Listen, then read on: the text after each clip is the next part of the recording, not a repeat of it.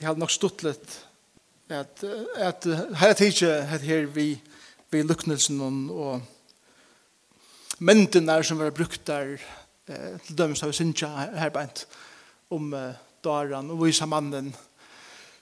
Hva det er for mynder som vi gjør av hessen søven som Jesus fortalte.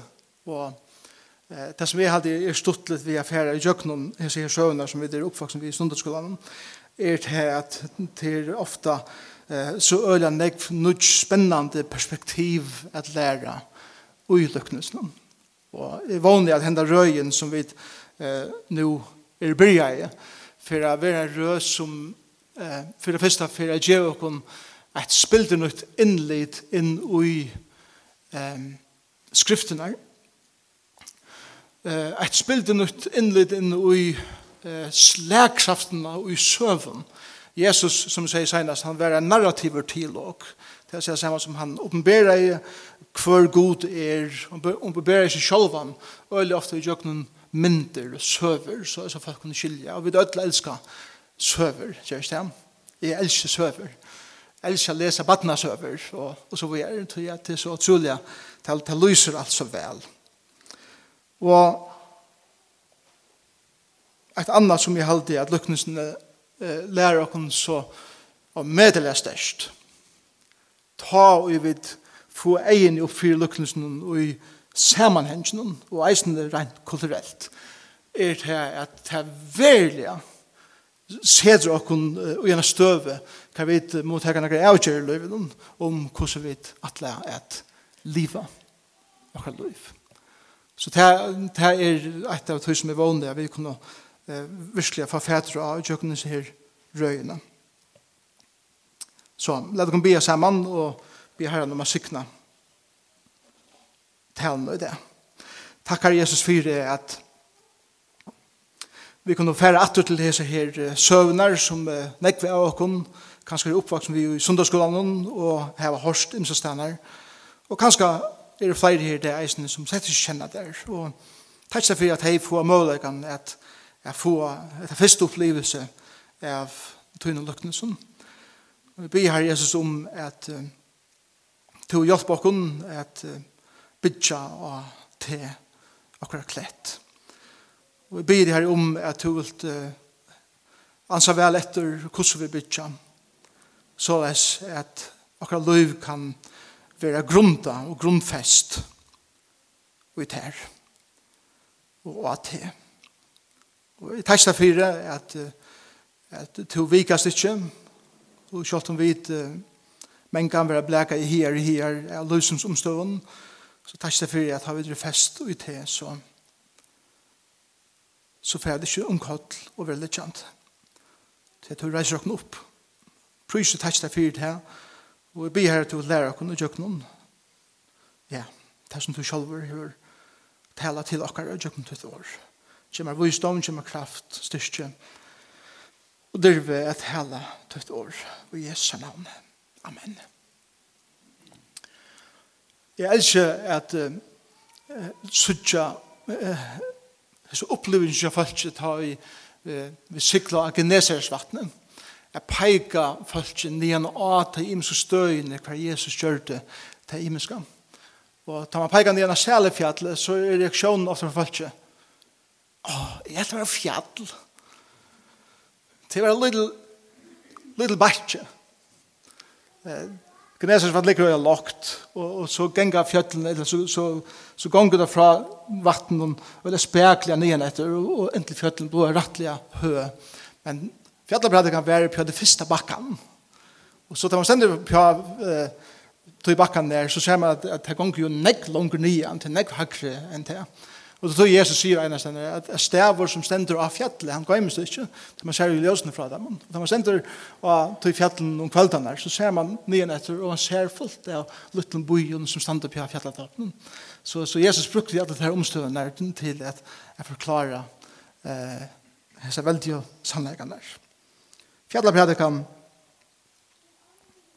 er en særlig tale, og som vi ikke må for å bruke mer tøy på hitje at eh, luknelse om vise mannen og daren eh, verur fortalt vi endan av fjallapredikene. Jesus har alltid seg veldig predikene hver han, hver han legger noen grunder for eh, noen helt nudjon som eh, vit som hans bøten skulle livet etter.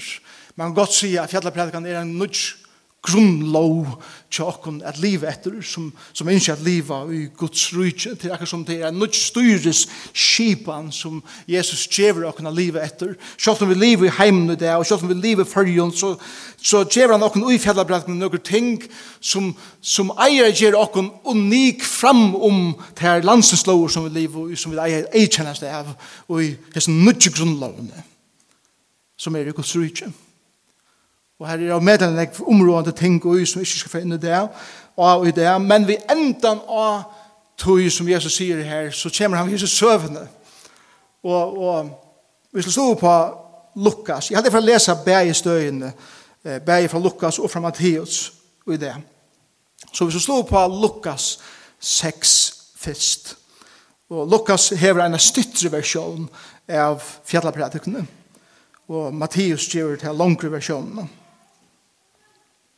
Og vi leser fra vers 46 til Lukas kapitel 6. Så sier han, nu kommer til enda av talene, men hva kallar tiden med herre, herre, og gjør ikke det som vi sier. Kvart han og kommer til moen, og høyrer om ormen, og gjør etter teimen. Hver han løyker, skal jeg vise deg Og så kommer søvann. Han er løyper mann, og jeg skulle bytje hus, og som ta grå, kjøpt nyer og leie grunderna av hettelen. Ta i ta vannflå kom, skåla i streimeren og ta hus, og han var ikke mentor at vika til, er tog at det var velbygd. Men han og i høyrer og gjør ikke etter tog, er løyker mannet, og bygger huset og man har hjørne vi ångon grunderleie under. Streimeren skåla jo at det, og det fall vi det samme, og fall tess vær størst. Og så kan vi slå på Matteus kapitel 5, og vi vet at fjallapredikan hon er kapitel 5, 6 og 6, og da vi kommer til vers 24, så så har vi her versjonen som Matteus skriver henne. Og han skriver så leis, kvart han som tog høyre sju ormøyne og gjer etter teimen, vi løyker vidin mannen og i bygde huset av hettelen. Gråregnet kom og einar vokse, og vinterne, vinterne blåste og rakte hette hus, men det fattelig ikke tog det var grunda av hettelen. Men kvart han i høyre sju ormøyne og gjer ikke etter teimen, vi løyker dara og i bygde huset av samt. Grovregnen kom, og eina vokse, og vindane blåste, og rakte etter hus, og ta fall, og fall tess vær størst. Det er som leser til vers 28. Ta vet det høyre der, så er det akkur som, ah ja, det er deilig søv.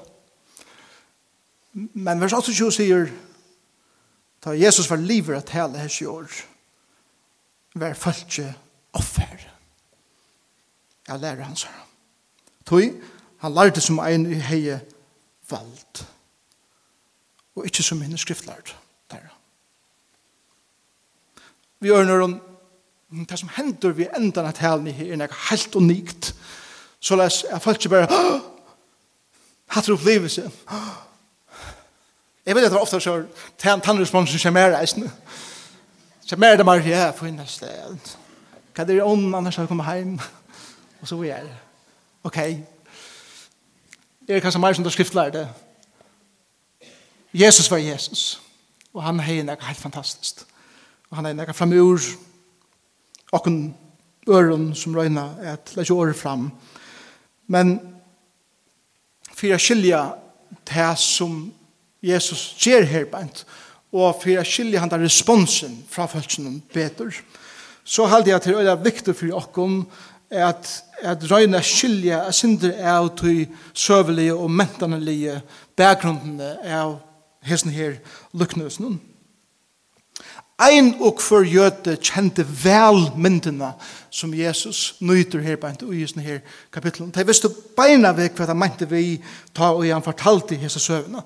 Alle kjente til a bytja, og det gjør vi det eisen i det. Alle av oss har vi til a bytja, ett eller annet, bygga hus, eller sucha okkar hus vera byggt, og hava sindra innliden i hvordan man bygger. Ett som vi har bruk for å vita, som vi kanske inte praktiserar sånn ikke fyrjun, men i Israel, här lägger man grunderna för sin hus, bara i einar tøy av æren, og ta ta er i tøy tøy Man bygger, eller man, man legger ikke grunda for hus nere i Israel, og i regntøy. Og da gjør man slett ikke Jesu døven. Du bygde ut hjemme turre managene, og tar turre managene var eisen tar heite managene. Det visste jødene, da Jesus sier bare til det her. Det tog jeg sier, tar bygde, men så kom regnet, ta ut av littner av bytje, og det var pura vanlig for jødene at, at skilja til. Men det som er avverst er det at ta i solen stender og bekar nyer og eh, hjørna. Atlan dagen, nere ved deg her kan det bli nyer, oppi all trus grader, og, og til en øyler hiti, og solen stender atlan dagen av moldena. Og det som, gjer, det som hender er til at molden torskast opp, og leiren i molden torskast opp, og molden og jøren og jøren sommermannen i Israel blir som steiner. Og hon er trupol at bråta, hon har brekkast fyrir at koma nyer av eh, kolksteinen, som, som særlig er asur. Eh, I sunnare parten av, av Israel er det kolksteiner, og i norra parten av Galilea, her er det eh, vulkaniske steiner, mer mysker steiner. Men lukka mykje hva for stein det var som var under, så visste jeg einu for at om det er nærke fyrset metrar som skal grevas nyer, og hettene, eller om det er flere metrar nyer å greva, så skal det grevast. Så mynden her er at feime månen, som uh, bæger, sikkert byggva i samme grannaleie, og teir er ferner under er byggja sunne hus. Anna maveren, han er ferner til verska vi nekvann anboen, og han er begynt å brekka. Han, han, han fer i jøkken strøy at koma nyer av hettlene. Og, og nekver arbeidsmenn skulle til, og nekver ambo skulle til, nekver orska skal til, eh, nekver strøy skal til, og det skal borrast, og det skal brekkast, og det skal ruddast vekk, nekver orska, og eisne meire utreisler og mer tøymer, og tøymer lønner skulle til fire, at kunne komme nye av hettene, så at, at ta i man kom nye av hettene, så tog man 18 steinar, og lia i opp fra hettene fire, at dren kunne være under husen, så at ta i det rekna i, så, så rann vattnet borster av en naturlig hatt. Så er det noen som hukte at hjørne og så det, ja, dette ser ut til å være godt grundarlig. Dette er hardt nok. Til at det stender en sånn her i 3 Mosebok 26 Nujjan stender at ta i solen hever steg og hjørna og gjøkken alt sommare så stender at hjørn er som kåpar kåpar er rettelig Det er blett materiale, men når man føler på det ved fingrene, så er det hardt materiale. Og, og til det mindre som Jesus bruker her, at det, dette, dette føles godt nok. Så jeg, jeg tror mye at det strøyer er færre å brekke og at rutta lengt nye og hedle. Jeg tar ikke det ringast da, og, og det føles godt nok. Jeg har, eh, jeg har ikke tog, jeg tog mye, jeg har ikke orskuna til er færre gongt vi er gjeva til stingene, til bøyligare firme, til minnig arbeidskraft, til færre arbeidslønner, og Hetta ser ut til å være finnes og slea. Så bæg husene kommer opp, bæg husene så ikke akkurat lykke ut, og familien er flyttet inn. Og ein mævor er deia trøtter, han sier rokken ikke større, han sier orska og tøy, hever nek større enn hinnom, Men husen ser ikke lykke ut. Hinn flytter inn, han er ikke lykke mor, han er ikke lykke store råkning å betale. Og bare sier, wow, nå flytter vi inn. Og til juli måned, og august kommer, og september kommer reisende, oktober blir jeg skuttende, jeg brøyter seg lysenter, november kommer. Ok, kommer ut i desember måned. Nå blir jeg rekne opp i fjøttene, og og egenar byrja a samlast.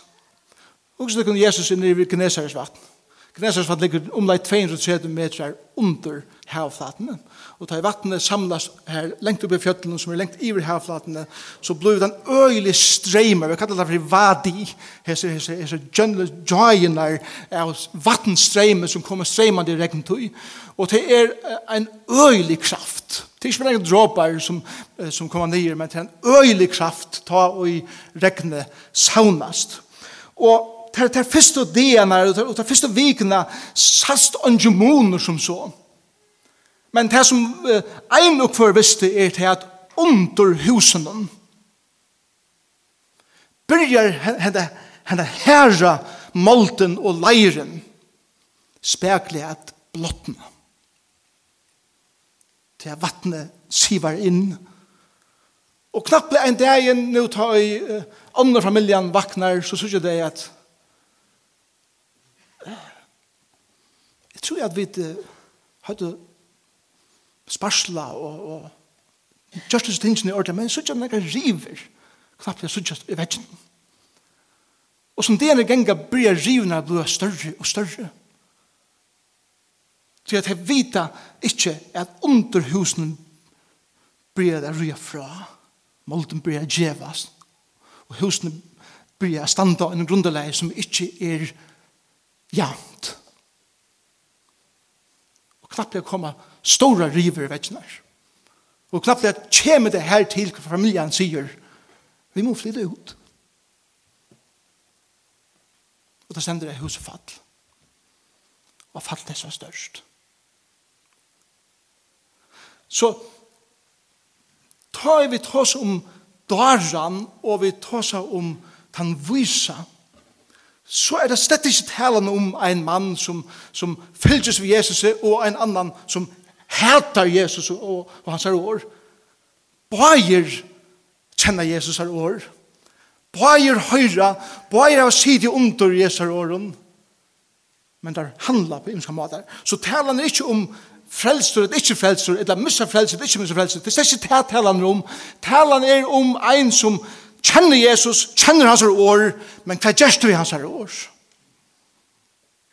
Det er det som er det lukknelse tåsar om.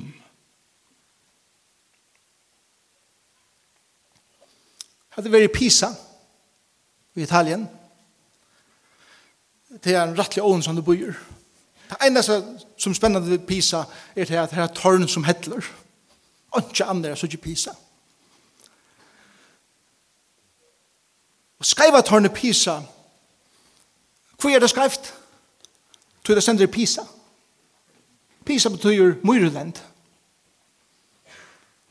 Og, og, og det tårnet ble bygd av et grundarlæg som ikke var trygt.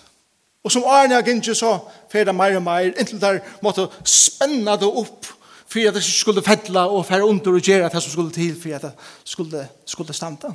Det er mynden som Jesus brukar her, at, at det kan suttja så utrolig godt ut, men under grunderleie er det her som vil eie at hitja et. Nå, Arne er ferdig at jeg samarbeidde, og, og vi, vi kunne lære fra som bare mannen, så, så er det et annet som jeg vil eh, ha fram, som er alltid veldig viktig. Det er at et annet som jødene visste, som vi ikke husker sånn om det, er til at øyesen her lukknesen, og til å tog til å være offeren, tåsa Jesus om det er mer enn bare terboer som bytja. Han tåsar eisne om hedlena, grunderna, grunderleget som, som heser bygde av Og det er veldig lett for jokken, vi er akkurat sunnje det, så bygg tøyt hus tøy og herra Jesus Krist. Og vi vet vel, Å oh, ja, ja, så vidt, jeg vil lese i Efesus brev kapittel 2, som tar seg om at vi er livande tempel, og grundarsteinen her er Jesus. Vi da lese 4 Peters brev kapittel 1, og kapittel 2, her eh, Peter Eisen tar seg om at en hotna steiner er lagt og han er omkring til fadl, og omkring til frelse, og det er Jesus. Paulus, nei, Petrus hosar om i Apostlen kapitel 4, hver han sier at hotnasteineren som tid har vreka er Jesus Kristus sjolver. Så vi kommer til at lukken, så vi er så vitande langt at, å ja, vi vet vel, jeg vet at livande tempel, og Jesus er hotnasteineren. Vi er dit, vi først, så gjør okkara bibel vitan til at vi ikke vil ivraska av det som vi leser i bibelen. Vi kvarst er det ikke så godt at det her for når jeg blir vitan. Hvis vi ikke tar tog til å velge skilje og sette hese tingene i parentes for å oppleve hvordan de som første forhører det, opplever det. Det er jødene som Jesus tåser vi her på hvis du ikke at Jesus var hatt med steinen som vi sier til og som vi vet så vel. Det tror vi ikke lykke ivraskei som jødene var. Så det Han lukkar ikke en lyte innleit hva det er som jødene opplevd. Jesus og Jesus lukknes noen, tar han skipa til hedlena, tar han skipa til grundarsteinen, så fer han 600 år etter tøyene. Og det visste jødene. At nå skipa Jesus til nega som vi ødel kjenner. Og han fer lukka atur til Esaias profet. Han fer atur til Esaias 28, og i, og i vers 14 til 18, Her avværar Isaias falt Guds om at ikkje sette sitt alit av Egyptaland, tog at Assyrien som tar vær makten. Høtt i Israel via legge av og tega landet, men Israels menn sier, ja, ja, men jeg har satt ikke problem, Egyptaland hever lova okkon at hjelpa okkon. Isaias kallar Assyrien, som er futsjenden fire Køyrelen, som Gud skal senda av, av, av Israel.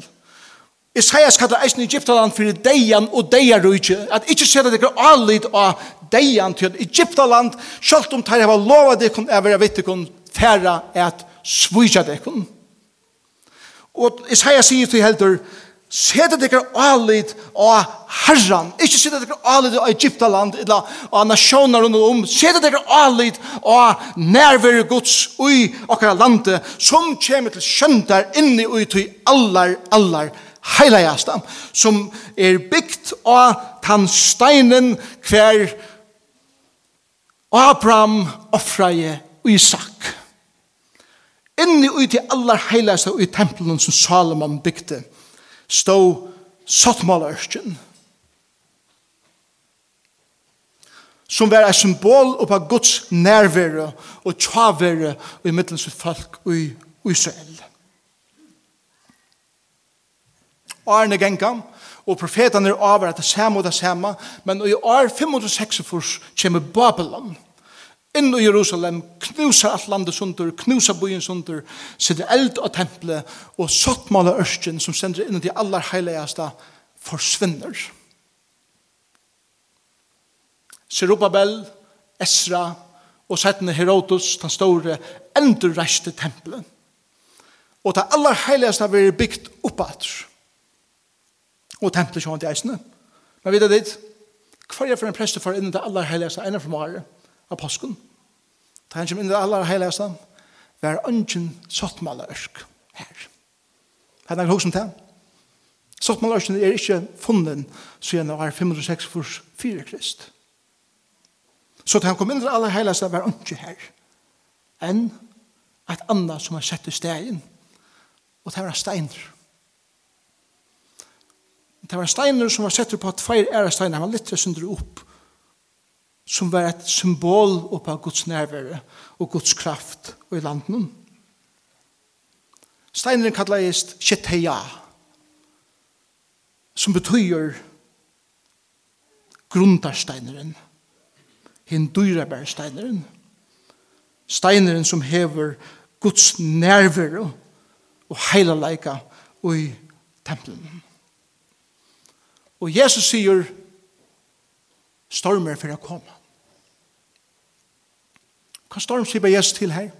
Jeg tror jeg sier bare til noen få år settene i år halvfjers kommer Titus som ta hver generaler av keisaren Rom. Han ble keisaren settene sjolver til Jerusalem, knusa bojen sunder, knusa tempelet sunder, og steineren og alt var lagt i øye. Men det var ikke hent enn ta i lukknelse vær fortalt. Så det som Jesus gjør er nega helt utrolig radikalt og i egnom til jötnum. Og til det at han sier hettar at jeg er er skitteja. Jeg er sottmalørsken. Jeg er steineren. Jeg er den kommande Messias. Jeg er Guds nærvera og Guds heilalegi og Guds kraft og i middelen tikkara. Og i fjallabrætene hever Jesus lagt en nudja grunnlov, en nudja styrir skipan fyrir hos folk eier at, at liva. Og han sier at hei som koma til moin og høyra mot år, og gjer etter tog bytja og me, som er grunntarsteinen. Og folk sier, kalla tu til Messias. Langt vi byrjanen av sin tænast sier Jesus, er i ham. Jeg er Messias. Jeg er han som tid skulle lyta tikkara liv og Og han sier han som kommer til munnen og høyrer over munnen og akta teg. Tegar han fra Ezekiel 33. Det visste jeg eisen, at det var en sanger som Ezekiel sang, som han prysa i heimen, som kom til god, hørte han og akta av hans år.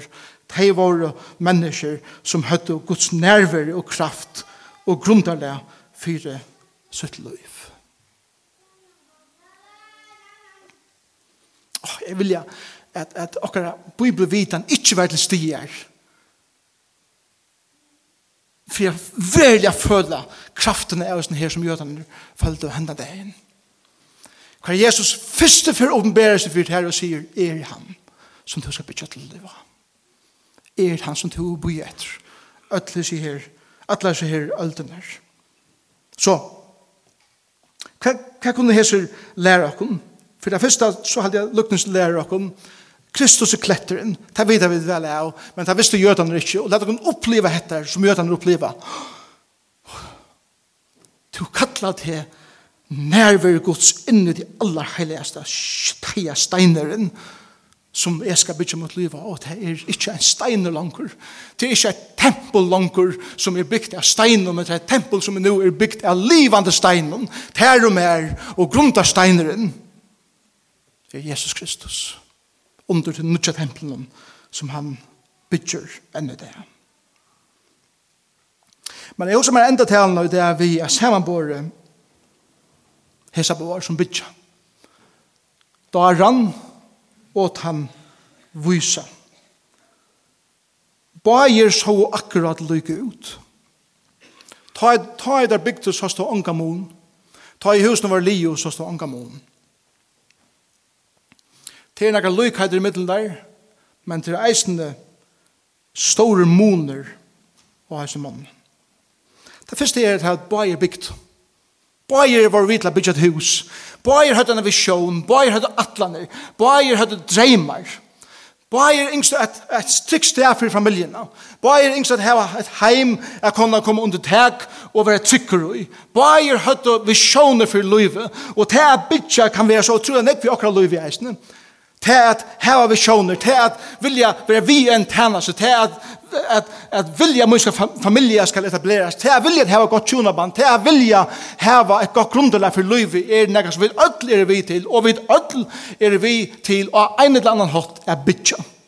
Andre moner av akon er, andre moner er av akon her. Bæger lærte. Han sier at tid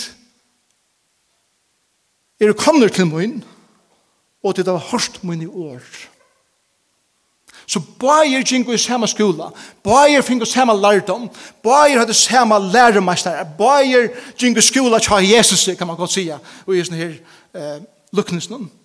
Bæger hadde finnes så mye informasjon, så mye vitan, så mye eh, atmosfære og i tusen der lærte. Det var ikke måneder at han herbeint. Det var lykheten mittlen der. Bæger møtte stormen. Stormen rakte boar. Regnet rakte boar. Øyene rakte bæge husene. Tar, bo, tar, tar bo i samme grannaleie. Tar jingo i samme sankommet. Tar kom i samme, samme fellesskap. Samme omgangskrets. Tar kjente samme folk. Tar så lykke ut. Men bæger våre rakter.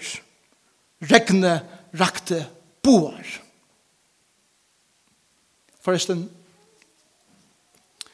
hatt det som er øyla viktig for åkken halde jeg læra som sankomma, og som tryggvande. At ofta høyra vi det at hvis du kommer til Jesus så får stormen ånger det rekade. Kom til Jesus for alt det være godt. Kom til Jesus for ønske mågång det være. Kom til Jesus skal du få alt. Kom til Jesus skal du ånger på sjukur. Kom til Jesus som er mega forferdelig tvatl. Bæger vi rakter. Spørringen er hva du bytjer det Og her er det moneren at heimbaven kommer så tydelig fram i lykkenes noen. Det er så ikke akkurat lukket ut, men det her var innanfyr og i morene kjøser fullkomlig for sin karakter. Annar får i jøgnen struje og kostnaden er brekka og greva nyer og hettene fire er kunne bytja av et trygt grunnarle. Han tog seg struje og tøyene som skulle til. Han ville bytja nega som varde vi. Hin tømte ikke det struje. Han tømte ikke kostnaden. Han ville bare få det li og så kjøtt som møvlet. Han var meira ahår og i at hvordan det sa ut heldre enn hvordan lunget det helt. Det skal bare sutja godt ut for menneskjen og at imponera mennesker hvordan hvordan godt det ser ut som vi gjør og huksa ikke om hvordan lunget det værer som er bytje. Det var en stor moner. Fundamentet var fullkomlig kvørsutt. Ein bygde nyer av hettlena.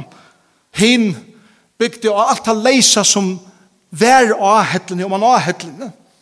Ein bygde nyer, helt nyer, jeg kommer kjenne Jesus som sina hettle og som grunnerne for sitt liv. Andar bygde av alle tradisjonene og venene og meningene og alle tingene som vi heva om Jesus. Jesus Og jeg lurer bare etter hva andre har sagt, hva jeg kan si fra tala sjolven. Det må være godt nok, og jeg tror ikke kan det selv, det selv. Tradisjoner og sjokna har alltid vært så leis, og det må være godt nok. Det er gode tradisjoner som skulle halde på, men det er snære tradisjoner som vi skulle brekka vekk.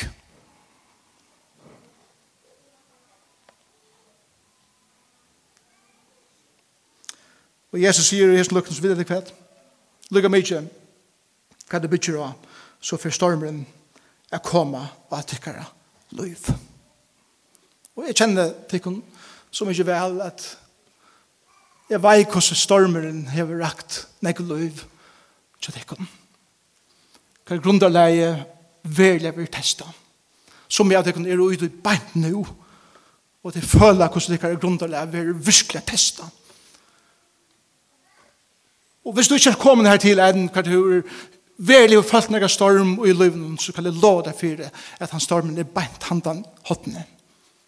Han stormen fer at reka mot og tøyt løyv. Ønsken er åkken inn her det for jeg slipper undan svaren, trångten og i løven. Ikke ein. Vi er ødel skulle sutja det ein. Ødel. Men ørslig fra stormen var utrolig imest. Annar stod stenner og hin fall, og det stender at fall hans var størst, mest i alt. Hvor er hinn vise? Hinn vise er ein som kommer til Jesus og høyrer hans år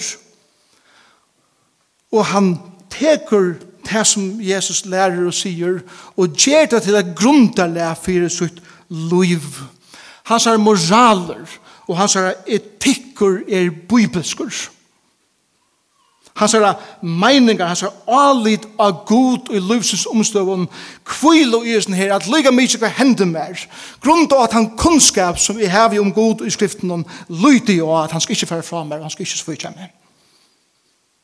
Jeg lyder jo at selv om mitt liv vil rist til fullnar og jeg misser alt rundt om meg, så vet jeg at han skal halda meg oppe. Om jeg vil skuffa over, jeg vil stunden og ritsen av mine nærmeste som jeg har mitt alid av, så lyder jeg at han skal halda meg oppe. Til en som teker det som han lærer og gjør det til å grunda det for sitt liv og sier hattet her som er bygget mitt liv av. ta er som jeg har. Hvor er daren? Som sier, daren er ikke en som bare er nok der alt. Daren er en som sitter og fer samme lærdom, som og vitan. En dar er ikke en som ikke vet nega.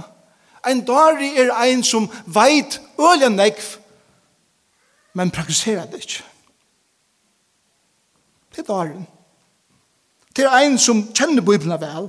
Det er ein som sitter og møter kvann sunde og høyre taler.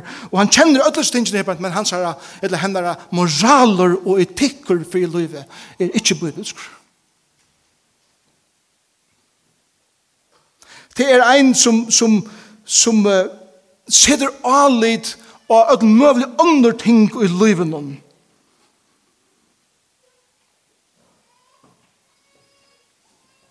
Som grundarleg fyrir kvaliteten av min liv. Vær det her materialisme, eller vær det her min karriere, eller vær det her mitt navn. Og så kjøtt som jeg misser min karriere, og kjøtt som jeg misser uh, min materialisme, og så kjøtt som jeg misser mitt navn. har vi ikke annet grunn til og alt for det smittles. Og i stedet for at kjøtt om jeg skulle miste alt det, så undertøy er jeg fester grunnfester. Og jeg får tåle stormene. Jeg hørte om et uh, cruise ship som, uh, som uh, sylte ute av Norr-Atlantshavnen. Og uh, en øyler, en øyler øden reker skipet. Og alt fyrir knus flyglen, han rutler atre fram av gulven, og alt fyrir gulv, og stolar, bor, alt, og folk litt i kodgjende, og, og halda seg, og ein mevor ringer opp av brunna, og sier, og han fædrer kapteinen, skibaren, og hans nere assistenten sier, skibaren er jo nu, og hesten sier, du skal bare helsa skibaren, og sier at, Det er nekk fyrir man kommer en tur her man vil tikkun og oppleva hettar. Du visste vel at stormen for å komme. Du, du kunne godt ha silt noen annan ved, og han skjelta i kiparen ut. Og jeg sier, jeg skal, jeg skal, jeg skal bæra seg på til kiparen. men bare nu har han ikke tog jeg tåsa vet. Og han har løydes hettene, så ringer telefonen atter i, i, i, i kuttene tja, hesten i folkene. Og med avren til telefonen, og han sier, eh, hesten her, hinn endan sier, eh, Det er det er at jeg har sagt det som du sier vi skiparen. Skiparen blir med sier tve ting vi til. Nummer ett, legg deg sov. Det er til andre grunn til at vi bæger halde dere vaknar. Er det på brunnet, er det vekken, legg til du bare sov. Og nummer tve, skipet som du sikler i, vær bygd til vever som heter. Ta vi skipe la av teknebornen, ta tekna vi og røkna vi ut vi hesen stormen fyrir eia. Og selv om det kan være obeheilet, og selv om ting slunjas rundt, og selv om tid litt her og sputja, og det føles alle kjelet, så er skipet bygd til dette vekkere, og skipet fer at halta. Så legg du sov. Og hatt er en maver som bygger sitt hus av kletten. Vi vera sett saman av slik hatt, at lyga mykje kan reka okken løyven, så er vi bygd til at halta. Og sjalt om det er oppi heilet, og sjalt om det er torra tøyer, og sjalt om det er tropla tøyer, og sjalt om det er rakt av öllum møvligen som reka okken løyven, så er en substansur inni ui okken, djupt inni min hjärsta som sier, jeg veit, at jeg har bygd av kletten, og tog helte det. Til en maver som hever ånga troblega standa og prysa Jesus sunne morgon, men heldur ikke manna morgon ta stormer rekar. Og en dag er ein som kanskje synger vi og alt, men så kjøtt som et eller annet er manna morgon, så er sunne morgon glemt og han fyrir ivast. Det vil öll vera rakt av sjukom og deia. Bøtten som ikkje fylgjes ved gode. Tjona fyrir er som sviker. Karriera som får vaskje. Miste hus og miste alt. Og hva er Jesus da? Til måneren og dagen og og til vise. Da jeg var løytel, eller yngre, og var 12 år gammel, så, så yngst jeg meg alltid, meg alltid da, var nok så vel boksing. Så vidt jeg det her. Eisen kickboxing og sånne, ikke? Jeg er yngst meg alltid en, en sånn boksebelt. Kjenner disse boksebeltene som stand av en stong, eh, og en sånn stative, og så, så stender du, boom, Bøltene fyrir nere, rækker gulvet, dum, dum, og kommer opp at. Og så sier, dum, dum. Bøltene fyrir, dum, dum, kommer alltid opp at. Og kanskje så var det her, dum, dum, dum, dum, dum. Han fyrir nere, dum, dum, opp at. Sen er der. Og du kan stå av bøltene så hardt som du vilt. Han kommer alltid opp at. Hvor? Tror jeg foteren. Hvor? er grundarleg.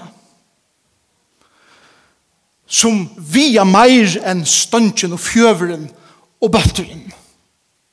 Så la seg ta ut slagsbøtten og han fer nyer, så gjør det at vekten som, som fjøren er kort nyer ui, til at vekten sjolv ikkje koppar ta i bølten for nyer, men vekten teker stundina og bølten oppater rattkjell. Og til mynden er en mann som bygger sitt liv og kletten av Jesus Kristus, at det kan være nye slien. Men jeg tror at kletteren vier mer enn jeg og alle mine omstøver, så lytter han meg opp at. Og folk kan slå meg som nek nye som de vilja og omstøver av livet. Men mitt alit av kletten gjør at jeg ferdig alltid er komma opp at. Og det er det som Jesus sier vi okken og Jesus i lykkens noen. At han viser med vår eller kvinna. Er ein som ser det sitt avlid av at jeg trykker at Jesus for å halda mer i min liv lyga mykje kvæt. Han, han bygger en nytt tempel som er livande steiner. Og han er grundarsteineren. Og jeg får kvile. Og at jeg bygger han så kunne stormene komme. Men det er alt kjem til alt. Så for mitt hus, jeg standa.